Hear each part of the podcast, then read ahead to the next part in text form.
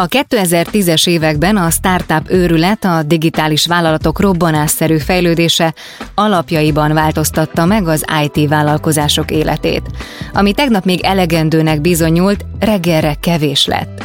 Újabb és újabb kollégák jelentek meg a kávégép előtt sorakozva, a vezetők pedig már követni is alig tudták, hogy 3, 30 vagy épp 300 ember munkájáért felelősek. Így volt ezzel Hodicska Gergely, vagy ahogy sokan ismerik, Felhő is, aki ebben az időben a Ustream fejlesztő csapatát vezette.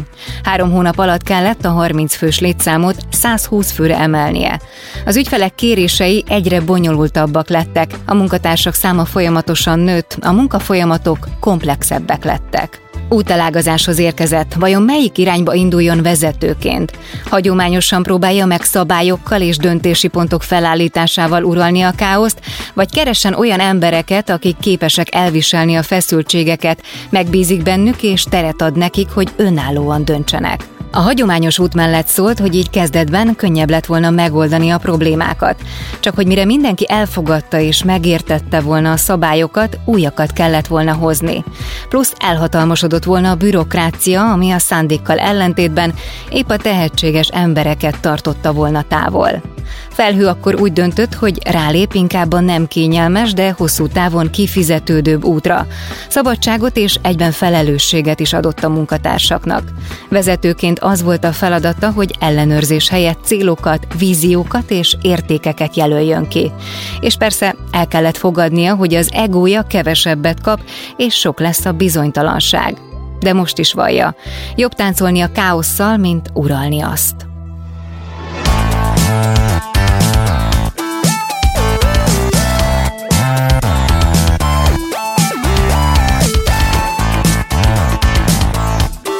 Legyél úttörő, legyél dinamikus, legyél agilis, változtas, digitalizálj, újíts.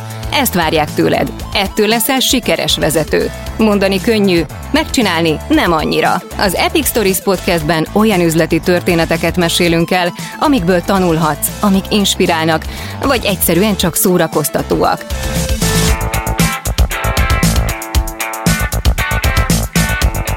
Ezt a műsort a Siva Force vállalati digitális transformációval foglalkozó cég indította, akik a legnagyobb banki és telekommunikációs szereplők üzleti kihívásain edződtek, itt pedig a magas szintű szakmai tartalomról gondoskodnak. Én Brigi vagyok, segítek elmesélni a történeteket, és érthetővé teszem azt, ami szerintem magyarázatra szorul. Közhely, de igaz, hogy senki sem születik vezetőnek, hiszen az is egy munka, amibe bele kell tanulni. Kérdés viszont az, hogy egy olyan gyorsan változó világban, amiben élünk, milyen vezetői stílust, attitűdöt sajátítsunk el. Utasítsunk és ellenőrizzünk, vagy hagyjuk a csapatot szabadon és felelősségteljesen dolgozni, mikor melyik irány működik jól. Erről beszélget Földházi Csaba, a Siva Force partnerigazgatója Zolnai Judittal, a MetLife Magyarország és Bulgária vezetőjével, illetve Bárdos András volt televíziós vezetői trénerrel.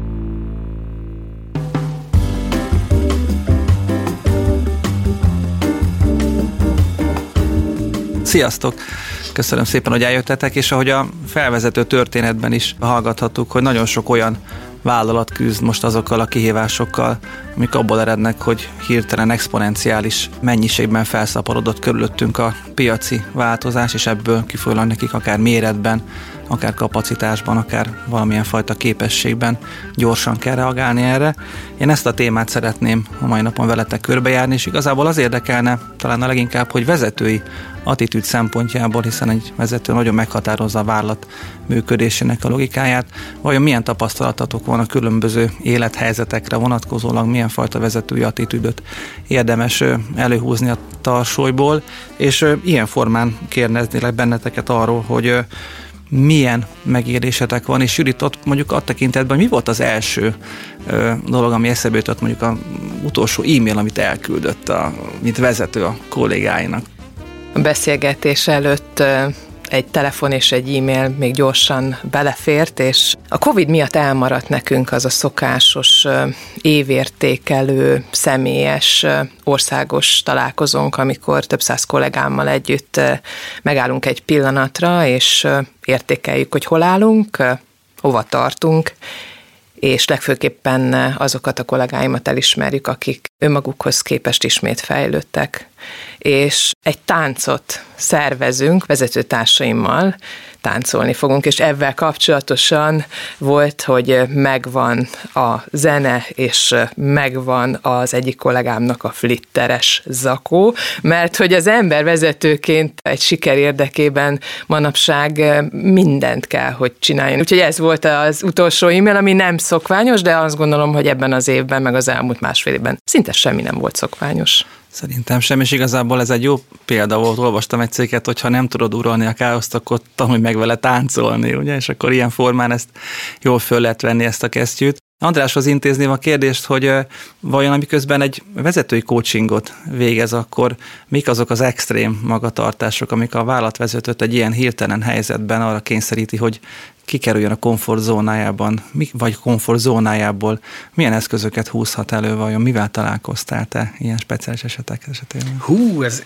ez hosszú, ez sokáig tartana, de ez, amit mondtál, ez tökéletes. Tehát tényleg itt tartunk most, hogy flitteres zakót kell rendelni, és ez a, ez a munkának a lényege. Azt mondják futurológusok, hogy a következő száz évben nagyjából 20 ezer évnyi evolúció fog lezajlani a Földön. Most azt nem tudjuk pontosan, hogy előre vagy hátra, vannak kétségeim, de, de nagyon valószínű, hogy száz év múlva semmi se úgy lesz, ahogy most van.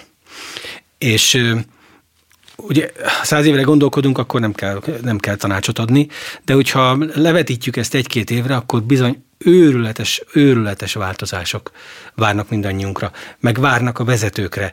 Teljesen másként kell felfogni a vezetést, és én abban az egyben tudok segíteni, ha tudok, hogy, hogy meg, megpróbálok hozzájárulni ahhoz, hogy valaki, aki nem értette eddig, az megértse, hogy a vezetés az szolgáltatás.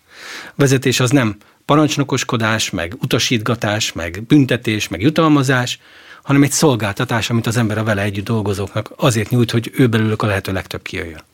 Ez a fajta szolgáltatás, hogy a szolgálóvezető, a servant leadership meg is jelenik mindenféle leíratokban. Vajon ha szolgáltatásként fogom fel, és nem egy ilyen command and control formában, akkor mennyiben fog a csapat jobb teljesítményt, vagy más teljesítményt nyújtani? Van-e ilyen tapasztalat, Judit? De a tapasztalat előtt, Judit, még beszéljük meg, mi is az a servant leadership. Ez a fajta vezetési stílus teljesen eltér a hagyományos vezetéstől. A szolgálóvezető gondolata megfordítja a tipikus hierarchiát, vagyis nem a munkatársak szolgálják a főnökeiket, hanem a vezető bontja le az akadályokat és kielégíti az alkalmazottak igényeit, hogy a lehető legjobb teljesítményt nyújthassák. A szolgálatkész vezető megtartja az irányítást, de a munkavállalók önállóan döntenek, így erősebbek és felelősségteljesebbek lesznek a csapatok, nő a lojalitás és gyorsabban tudnak reagálni a változásokra. Én azt látom, és az elmúlt időszakban szerintem mindannyian azt tudtuk megtanulni, hogy a helyzet függő vezetés az, amit még még nagyon, nagyon kell, hogy gyakoroljunk, és uh, tulajdonképpen feladni azt, hogy vagyok, aki vagyok, és akkor mindenki igazodjon hozzám. Ahhoz, hogy gyakorolni tudjuk, ismerkedjünk meg a fogalommal pontosan. Az elmélet kidolgozói abból indulnak ki, hogy a jó vezető ki tudja választani a megfelelő vezetési stílust az adott emberhez. Négyfajta stílust különböztettek meg, ami függ a beosztott szakmai szenioritásától és motivációjától. Így lesz olyan kolléga, akit irányítani kell, lesz, akit tanítani, van, akit támogatni, inspirálni, de lesz olyan is, akire bármit rábízhatunk, sőt, zokon veszi a kontrollt, mert szaktudása magas, a célokat ismeri, és felelősségteljesen képes alakítani is azokat. Mivel diversifikált csapatok a versenyképesek, ezt azért ugye nagyon látjuk, a fogyasztók is diversifikáltak, ezért én azt tapasztalom a saját működésembe, hogy nekem kell igazodnom, nekem kell azokat a helyzeteket felismernem, amiben éppen amilyen eszköztáramból azokat a stíluskészleteket, azokat a, a vezetői eszközöket használnom, ami éppen oda passzol. Például én két évvel ezelőtt megkérdeztem a kollégáimat, a közvetlen vezetőtársaimat, hogy ki hogyan januárban, ki hogyan szeretné, preferálja a heti státusz meetingeket. És az egyik kollégám azt mondta, hogy szeretne kimenni ebédelni velem. A másik azt mondta, hogy majd szól, amikor van dolga, megengedném ezt neki, hogy placeholderként bent legyen, és ő mindig előre szól, nem fog ebben visszaélni. A harmadik kollégám azt mondta, hogy ő két hetente szeretné, mert neki a heti az eddig sűrű volt, és majd szól, ha valami gebasz van. Tehát, hogy tulajdonképpen ráálltunk edre, előtte az működött, hogy én kitaláltam, betettük a naptárba, és ők igazodtak. Két éve soha nem látott nevekedésbe vagyunk. Nem azért, mert ez történt, de például ez egy, ez egy olyan dolog, hogy szerintem ezt kell megértenünk vezetőnknek, hogy nekünk kell sokkal rugalmasabbnak lenni, nekünk kell megtalálni azokat a, a, a tehát fel kell ismerni a helyzeteket. Van-e ilyen kommunikációs javaslat, hogy ezt most naponta, hetente, havonta, ugye nagyon sok múlik a kommunikáción, ezt mondta a Judit, ami lehet jó, lehet túl sok, lehet túl kevés. Van erre nézve valami best practice, beváltható javaslat, vagy ez, ez tényleg éppen adhok, ahogy jön? Ez a Blanchard féle gondolat, a helyzetfüggő vezetés, ez, ez sok-sok évvel megelőzte a, a világot, és valóban ö, nagyszerű gondolatokra épül, és nem tudom, mennyire ismerős nektek a boldogság portfólió kifejezés. Hát, András, lehet, hogy nem mindenkinek az, pedig sokan kapunk kafetériát. Tehát azt mondod, hogy nem mindenki örül ugyanannak a béren kívüli juttatásnak, mindenki mástól lesz boldog, elégedett. Egy autós például mit kezdjen egy BKV bérlettel? Jobban járunk, ha a dolgozók igényeihez igazodva találjuk ki a jutalmazás egyes elemeit. Még ha munkás is, hatásosabb, ha kiderítjük, ki lesz boldog egy kondibérlettől, és ki például egy ingyenes ingvasalástól. Ez a, ugye a modern HR, persze nem is HR, hanem inkább people issue, mert ugye nem erőforrásról van itt szó, hanem emberekről, lényege. Mi azt jelenti, hogy az egyik ember a talicskának örül, a másik meg a kombánynak örül. Az egyik ember a rollernek örül, a másik meg a benzinjegynek örül. És ezért térek vissza a kérdésedhez a kommunikációhoz, ha én folyamatosan kommunikálok vele, ha, ha tudom, hogy ki ő, hogy hány gyereke van, hogy azok betegek, egészségesek, akkor tudom, hogy mire vágyik, és nem, nem adok neki jutalmul baromságokat, amikre egyáltalán nem vágyott, és nem, hogy örülne a jutalomnak, hanem megbántódik. Sokszor a vezetőknek nehéz lemondani arról az édes gyümölcsről, hogy a döntés nem feltétlenül hozza, hanem oda tudja adni a csapathoz, aki közelebb van ahhoz az ügyfélhez, aki számára egy terméket és szolgáltatást állít elő. A kérdésem az, hogy mi helyettesíti ezt a finom, régi, édes cukorkát, ami a döntéshozatali pontokat magánál tartja? Van-e helyette valami más, ami hasonló élvezetet vált ki a vezető agyában, amikor ezeket a dolgokat delegálja a csapathoz? Hát az eredmény, nem? Akkor látja, hogy jól megy a dolog, viszik a cuccot, amit gyárt, akkor, akkor jól van. Tehát az a fajta vezető, aki sokkal fontosabbnak tartja az egóját, mondjuk a vállalat eredményénél, az szerintem a következő évtizedekben nagyon-nagyon nehéz napok elé néz tök mindegy, ki hozza a döntést. Egyébként a felelősséget nyilvánvalóan a vezetőnek kell vállalni, tehát azért nem baj, hogyha ő hozza meg végül is a döntést, ez egyáltalán nem probléma. De, de az a vezető, akinek az a lényeg, hogy neki legyen igaza, meg ha nem volt igaza, akkor is neki legyen igaza, és a másik, ad, neked biztos nincs igaz, és miattad rontottuk el, hát ismeritek ezt a blémoló vezetőt. Ő, ő, ő, nekik nem jósolok én most nagyon jó éveket. Vagy, vagy optimista vagyok?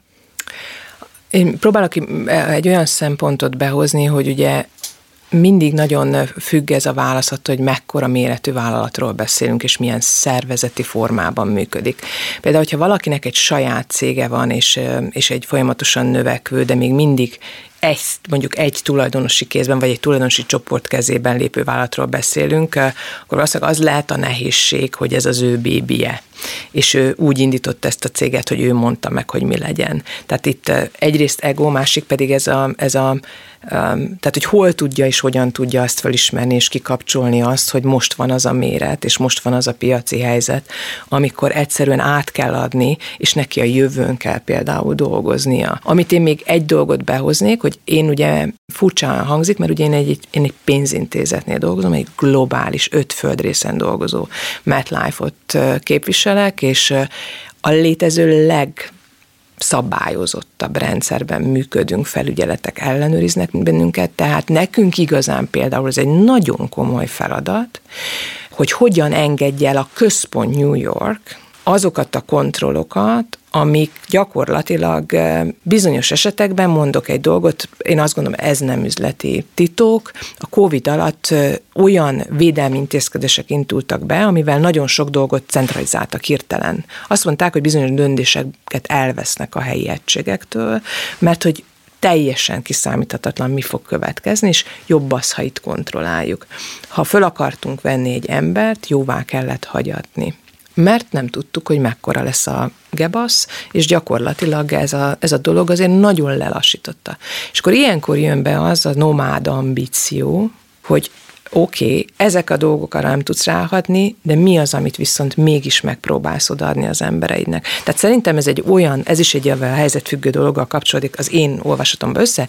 Nézd meg mindig, mire van ráhatásod, mindig lesz főleg multinál olyan, amit nem akarnak kiadni, vagy, vagy, vagy, vagy majd később adnak ki, de addig se es pánikban, nem próbálj, mint egy sakjátszmában azokat a bábúidat használni, amiket nem blokkolt a központ amivel egy tréner vagy kócs mondattal a legtöbbször találkozik életében, az az, hogy jó, jó, de nem most, vagy jó, jó, de most erre nincs pénz, vagy jó, ez igaz, de nálunk ez nem így van.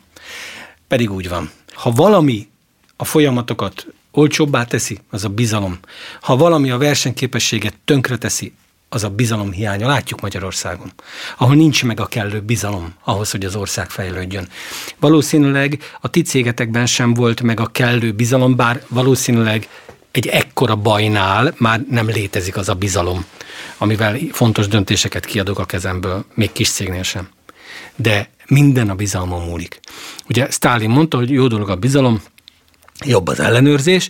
Én azt mondom, hogy jó dolog az ellenőrzés, de jobb a bizalom, mert sokkal olcsóbb. És ugye nem tudom, ismeretek olyan kereszteződést, ahol egyszerre 5-6 felől lehet bemenni, és nincs lámpa. Ugye két kétféleképpen lehet ezt végigcsinálni. Az egyik, hogy mindenki megy előre, dudál, löki ki a másikat, örjön, ből. A másik, hogy mutogatok, várok, tessék menni, nem, tessék. Ugyanolyan lassan fogunk kijönni mind a két módszerrel a kereszteződésből. A különbség az, hogy az egyik után még fél óráig remeg a gyomrom az idegességtől, a másik után meg jól érzem magam. Nagyon tudok csatlakozni a bizalom kérdéséhez, hogy a, hogy a bizalom sebessége az nagyon nem, nem mindegy, hogy egy vállalaton keresztül jutó döntések azok mennyi akadályba ütköznek, milyen keszekusza, gérbegórba úton kell, hogy keresztül menjenek, vagy egyébként mint késő vajon át lehet juttatni egy üzenetet, mert megvan ez a bizalmi légkör. No de várjál, hát mikor bíznak te benned, ha te vagy a vezető, ha becsületes vagy? Több ezerszer megkérdeztem magyar vállalati vezetőktől, tréningeken, mindenféle sessioneken. Mi a legfontosabb vezetői tulajdonság? Egyetlen egyszer sem mondta soha senki, hogy a becsület. Mindenki azt mondta, hogy ilyen kompetencia, van kompetencia, kommunikáció, pedig a becsület. Ha a vezető nem becsületes, ezt te nem tudod, mert te becsületes vagy. De ha a vezető nem becsületes, akkor nem bíznak benne. Nekem is meg gondolatom a bizalommal kapcsolatban, hogy mit elmondtál, hogy vajon az ember, ha ugye megbízik a csapataiban, mert a csapatok megbíznak a vezetőben, akkor ugye megjelenik a hiba fogalma. Tehát, hogy átadom a bizalmat, előbb-utóbb valaki nyilván hibázni fog, akkor vajon a hibával mit kell kezdeni? Ha, ha hiba volt, az az én hibám, nem? Az a vezető hibája. Abszolút. Ön, meg egyáltalán nem, nem, nem, nem hibást kell keresni, meg nem felelőst, hanem megoldást. Szerintem az, hogy mondjuk van egy diszfunkció egy cégnél, akkor az egy feladat, annak a megoldása. Fölösleges ezért embereket elítélni, meg, megítélni, ha, ha van egy diszfunkció, ki kell javítani a diszfunkciót. Ha, ha a, a könyvvizsgálom elkövetett egy hatalmas nagy hibát, de a könyvvizsgáló után még van egy, van egy beépítve, ott, ott ül egy marinéni, tök mindegy, és, és jönnek, neki szöget üt a fejébe, hogy lehet, hogy itt a kompúterem minden rendben van, de az mégse lehet, hogy 600-szorosára nőtt a nem tudom mi a verépszarmi nálunk. Ez nem lehet. Tehát, hogyha ha ez be van építve egy cégbe, akkor, akkor a hiba ki lesz küszöbölve, és, és tök fölösleges megkeresni a, felelős. De, de ez, erős, tudom, hogy ez erős, és nyilván te meg is keresed a felelőst, hogyha van egy hiba, nem? Hatozak be egy olyan szempontot, hogy én rengeteg dolgot köszönhetek annak, hogy külföldi cégeknél dolgoztam, rengeteg dolgot tanultam, és most a, az, a, a MetLife, mint amerikai vállalat, a zsenialitás határáig viszi a, például azt, hogy nálunk loss report van. Tehát vesztességriport van. Amikor ezt elkezdtük csinálni, mert life lettünk, akkor nulla volt a loss reportunk. Nálunk nem volt. Nem volt. Ugye a lossba azt teszed be, hogyha valaki hibázik, jellemzően mivel mi szolgált, pénzügyi szolgáltatás biztosításban dolgozunk, ezért emberi hiba által okozott vesztességek vannak, nem a gép hibázik, hanem az ember. Jó, van olyan, hogy az informatikai rendszer, de elvileg azt, azt is, is egy embert csinálta. csinálta, és embernek kellene. Nulla volt. Fölhívott engem a risk manager régióból, ez nagyon nem jó. Mondtam, hát ezért milyen büszke vagyok rá. Azt mondja, ilyen nincs, ezt nem hisszük el, az a feladat, hogy nőjön a losz. Na most ezt, ezt így a magyar fejemmel, ugye, úgy hallgatni, Jézus, és akkor át kellett kereteznem az egész képet, és én ezt tanultam meg, mert ugye aztán utána kértem tőle egy másik beszélgetést, mondtam, hogy segítsen nekem, hogy ez hogyan ment olyan országba, akik hasonlóak voltak. És mondott egy hasonló országot, vagy egy, egy másik országot, teljesen mindegy micsodát, vagy melyiket, és azt mondta, hogy ez arról szól, hogy mindenütt van hiba. Tehát ez az alaptétel, mert ha ahol ember dolgozik, az hibázik. Kettes. Az emberek nem szeretik elmondani, ha hibáztak. A vezető se szereti feltárni, ha hibázott, és a vezérigazgató se szereti kifelé riportálni, ha hibázott a cége. Mi itt a feladat? Az a feladat, hogy elkezdjünk rengeteget erről beszélni, mert hogy miért kell föltárni a hibát? Hogy újra ne kövessük el. Eszterházi Péternek van egy gondolata, nem szó szerint fogom idézni, ami úgy hangzik, hogy egész nap írok valamit, aztán másnap az egészet kidobom, az két jó munkanap. Én ezt mindenkinek el szoktam mondani, tehát az, hogy létrejön egy kellemetlen szituáció, és rájövünk, és kijavítjuk, akkor nagyon eredményesek voltunk, és nagyon jó, hogy ez így volt. De ehhez azt kell, ne féljenek. Hát ez a legfontosabb. Ugye itt is a bizalom, amit mondtál, tehát nyilván olyan légkört kell teremteni, amikor ő előmer állni avval, hogy valamit felfedezett, oda is tudja adni, hogy ez meg ez történt, ezt rontottuk el, és ilyenkor már azt szoktuk kérni, hogy ő adja a javaslatot. Tehát, hogy ő adja a javaslatot, hogy mit csinálná másképpen, ahhoz, hogy ez legközelebb ne forduljon elő. Igen. És ez jól is működik, és az a kérdés, hogy bennem az merült föl, hogy egy ilyen jellegű, vagy ilyen kultúra felépítésében menny, mekkora súlya van a visszajelzés kultúrájának, hogy annak a folyamatossága, vagy annak a, az időszakossága vajon hogyan épül be a vállalat életébe, azaz a vezetőnek mennyi időnként, vagy hogyan érdemes milyen formában visszajelzést adni a Hát itt épül egy új világ, tehát ez az utasítás, ellenőrzés, visszajelzés, ö, hármas egység, ez anélkül múlik ki Magyarországon, hogy lényegében a menedzserekbe vezették volna.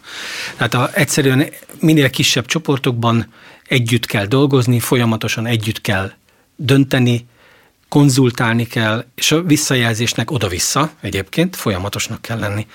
Tehát elvben marha jó, amit a multinacionális cégek csinálnak, biztos ti is csináljátok, hogy fél évente vagy évente leültök.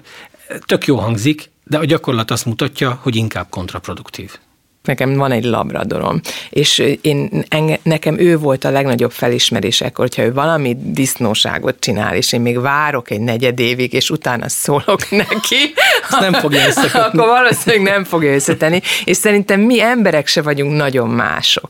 Tehát, hogyha valami van, és és én nekem van ez a 24 óra számos, hogy ha még ebben vagy olyan van, amit én legközelebb csak rontja majd a kapcsolatunkat, ha nem szólok, mert általában én, én ezekkel szoktam, akkor leülök, és azt mondom, hogy te figyelj ide, van valamit szeretnék megbeszélni veled, mert én, én ezt nem jól éltem meg, vagy én azt gondolom, hogy valamit én nem mondtam el neked, és mi lenne, ha ezt megbeszélnénk. Tehát, hogy, hogy, hogy szinte napi szintű visszajelzés legyen, ha azt kérdezitek, hogy én ebben rettenetesen nem vagyok jó, impulzív vagyok, tehát, hogy amikor valami olyan lenyűgöz, akkor azonnal mondom, de hogyha megvan, akkor sajnos az én gyári ilyen kis maximalizmusom azt mondja, hogy na hát akkor jó, te is olyan vagy, mint én megcsináltad, és akkor megyünk tovább. Tehát, hogy, hogy nagyon sokszor ez egy nagyon kemény vezetői feladat mert aki, aki minél um, nagyobb felelősséget kap vezetőként, jellemzően azért teszi, vagy azért kerül oda, mert megy, mint a gép. Nem dicsérsz eleget? De dicsérhetnék sokkal többet, igen. Én nekem ez egy, ez egy most itt egy önrevízió pillanat volt. Nem dicsérek eleget. Nem dicsérek eleget, mert én azt gondolom, hogy ez a hibám. Hogy én azt gondolom, hogy én megcsinálom, engem se dicsér meg senki, mert hogy ez, ez a normális, hogy ezt megcsináltam jól. És ebből a saját működésből sajnos elhanyagolom a dicséretet. Sokkal többet kellene dicsérnem. A közösségi visszajelzés intézménye az nagyon jó. Az nincsen nálatok egyáltalán? Ha másnál sem lenne, érdemes megfontolni a virtuális vállonveregetést. A lényege, hogy nem csak a főnök, hanem a kollégák is adhatnak pozitív vagy konstruktív visszajelzést egymásnak egy digitális rendszeren keresztül. Akár azért, mert valaki rendkívül jól teljesített, mert segítőkész volt a munkában, de akár azért is, hogy egy tanulságos esetből ne csak a résztvevők épüljenek. Mit, mit értesz ez alatt? Tehát, hogy, hogy mit tudom én, csinál valaki valamit jól Prágában, és annak nagyon örülnek bankokban, és akkor a bankoki ember ad egy, mint a Google-nál, ad egy sárga pöttyöt a Jaj, van ilyen rendszerünk. Nem Én nekem minden, ami, ami informatikai rendszer által táplált el, elismerési rendszer, én gyárilag így vagyok összetéve, nekem azt kell, hogy valaki megveregesse a vállamat, én is azt szeretem, ha megölelem a kollégámat, de van olyan, hogy ráírok, és jellemzően akkor viszont nem is biztos, hogy a gyári rendszeren írok rá, hanem messengeren írok rá, vagy bármin, vagy fölhívom telefonon. És van-e olyan üzenetetek, ilyen záró kérdésként teszem föl, hogy nyilván a jó vezető, hogy a vezető szeret nyugodtan aludni, hátradőlni, és, és megbízni abban, hogy, hogy minden jól megy. Van a szervezetnek, vagy a, vagy a csapatoknak egy olyan jellege, jelzése, vagy mit, milyen mintázatot érdemes felismerni időben, hogy az ember nyugodtan aludjon? Vannak-e ilyen diszfunkcionális szimatok, amit érdemes megérezni? Most ezen gondolkodni kell. Addig én nekem gyorsan most hirtelen eszembe jutott valami, amikor én, én nekem van egy ilyen fejlővésem, hogyha jó a csapat, és azokkal az emberekkel, akik dolgozok, főleg mióta ugye két országért felelek, nem is tehetném meg azt, hogy ez az ultra bizalom nincsen, és nem, nem úgy érzem, hogy azok az emberek, akik dolgozok, azt, amit csinálnak, sokkal jobban csinálják, mint én. És ha azt érzem, hogy közöttük valami feszültség van, és most nekem van konkrétan egy ilyen érzetem, vagy az adott területen belül van valami feszültség, ami nem baj, mert konfliktus nélkül nincs fejlődés. Viszont ha ez kizárólag emberi, tehát nem, nem üzleti konfliktus, hanem nem csipem a fejét, most ezt szólta be nekem, most azt csinálta, nem tudom, miért csinálja ezt velem, most, tehát, de akkor nekem az egy nagyon rossz jel. Nekem egy ilyen apróság jutott most eszembe. Én hadd mondjam azt, remélem, hogy kezdő cégvezetőknek a kedvét nem veszem el, nincs ilyen, hogy nyugodtan alszik. Nincs ilyen. Tehát, hogy, hogy, hogy nekem kell azt megtalálnom, hogy hogy tudok nyugodt. Tehát nekem kell azt, hogy hogy tudok olyan állapotba kerülni, hogy nyugodtan aludjak. De például, amikor a szabadságnak vége van, és visszajövök, akkor én azt tudom, hogy az én feladatom az, hogy ráhangolódjak arra, hogy én egy, egy ifában ülök innentúl, nem egy, nem tudom, én BMW-be suhanok az autópályán a szabadság alatt, hanem egy ifába ülök át, mert ez így rezeg, és nekem az a feladatom, hogyha bejön valaki hozzám, vagy fölhív, akkor én ezt tudom, hogy problémával fog jönni, és a probléma az nem kellemes. Tehát, hogy aki cégvezető, szerintem annak alapvetően probléma megoldó, mellette ugye az embereket kell olyan helyzetbe hozni, kell a körülményeket megteremteni, hogy azt tudják csinálni ők a legjobbak, és a harmadik pedig az, hogy állandóan nézni a jövőt, és visszacsekkolni, hogy hol állunk. És akkor kell valamit igazítani, hogy hogyha ez a, ez a dolog nem is csak akkor beleillesz. Nincs ilyen nyugodtan alszunk szerintem. A tapasztalat azt mutatja, hogy a konfliktus, amiről az elején beszéltél, oka majdnem mindig félreértés. Ritkán, ritkán az, hogy az egyik ember rossz, vagy ritkán, hogy olyan érdekkülönbség van köztük, ami megoldhatatlan, általában félreértés. A félreértés oka pedig általában a rossz kommunikáció. A rossz kommunikáció oka pedig általában a félelem. Tehát a, a, hogyha konfliktus van, akkor nagyon könnyű eljutni odáig, hogy itt valamiért az emberek nem őszinték egymáshoz, valamitől tartanak, valamiért félnek, valahogy megjelent a terror a cégben. Nem állítom, hogy ez nálatok így van, én azt mondom, hogy ez a folyamat nagyon gyakran leszokott így játszódni. Tehát a konfliktus az nem, nem önmagában kezelendő, hanem az okai, szerintem, az én tapasztalatom szerint az okai kezelendők. Ezt köszönöm, és magyarul a diagnózist meg kell állapítanunk, hogy mi az oka ennek a helyzetnek, és akkor azt kezelni fogok is velük beszélni. Köszönöm szépen a beszélgetést. Mi köszönjük. Komplex digitális munkakörnyezetben teljesen máshogy kell felfogni a vezetést, mint ahogy ezt évtizedek óta megszoktuk. A jó vezető nem parancsol és kontrollál, hanem meri másokra hagyni a döntéshozatalt. Ahogy Bárdos András fogalmazott, mindennek alapja a bizalom, mert az olcsóbb, és hatása meglátszik a vállalati eredményen is. Zolnai Judit pedig azt tanácsolta a vezetőknek, hogy legyenek probléma megoldók, és tartsák szem előtt a jövőt. De ha minden elhangzott tanácsot meg is fogadunk, akkor se feledjük. Nyugodtan aludni vezetőként még így sem fogunk. Ez a történet itt véget ért, de van még mit megbeszélnünk. Ha tetszett az Epic Stories, kövess minket a kedvenc podcast lejátszódban, és iratkozz fel az epicstories.hu oldalon, hogy ne maradj le az újabb epizódokról és a további inspiráló történetekről. Ha van egy tanulságos üzleti történeted, amit megosztanál velünk, küld el az epickukat.sivaforce.com címre. Az Epic Stories tartalmi koncepcióját Dojcsák Dániel készítette. A műsor szerkesztője Zádori László, a vezető szerkesztő Neizer Anita, a gyártásvezető Grüger Dia, a zenei és utómunka szerkesztő Szűcs Dániel, a kreatív producer Román Balázs, a producer pedig Hampuk Richard. Ordasi Brigittát és az Epic Stories-t hallottátok.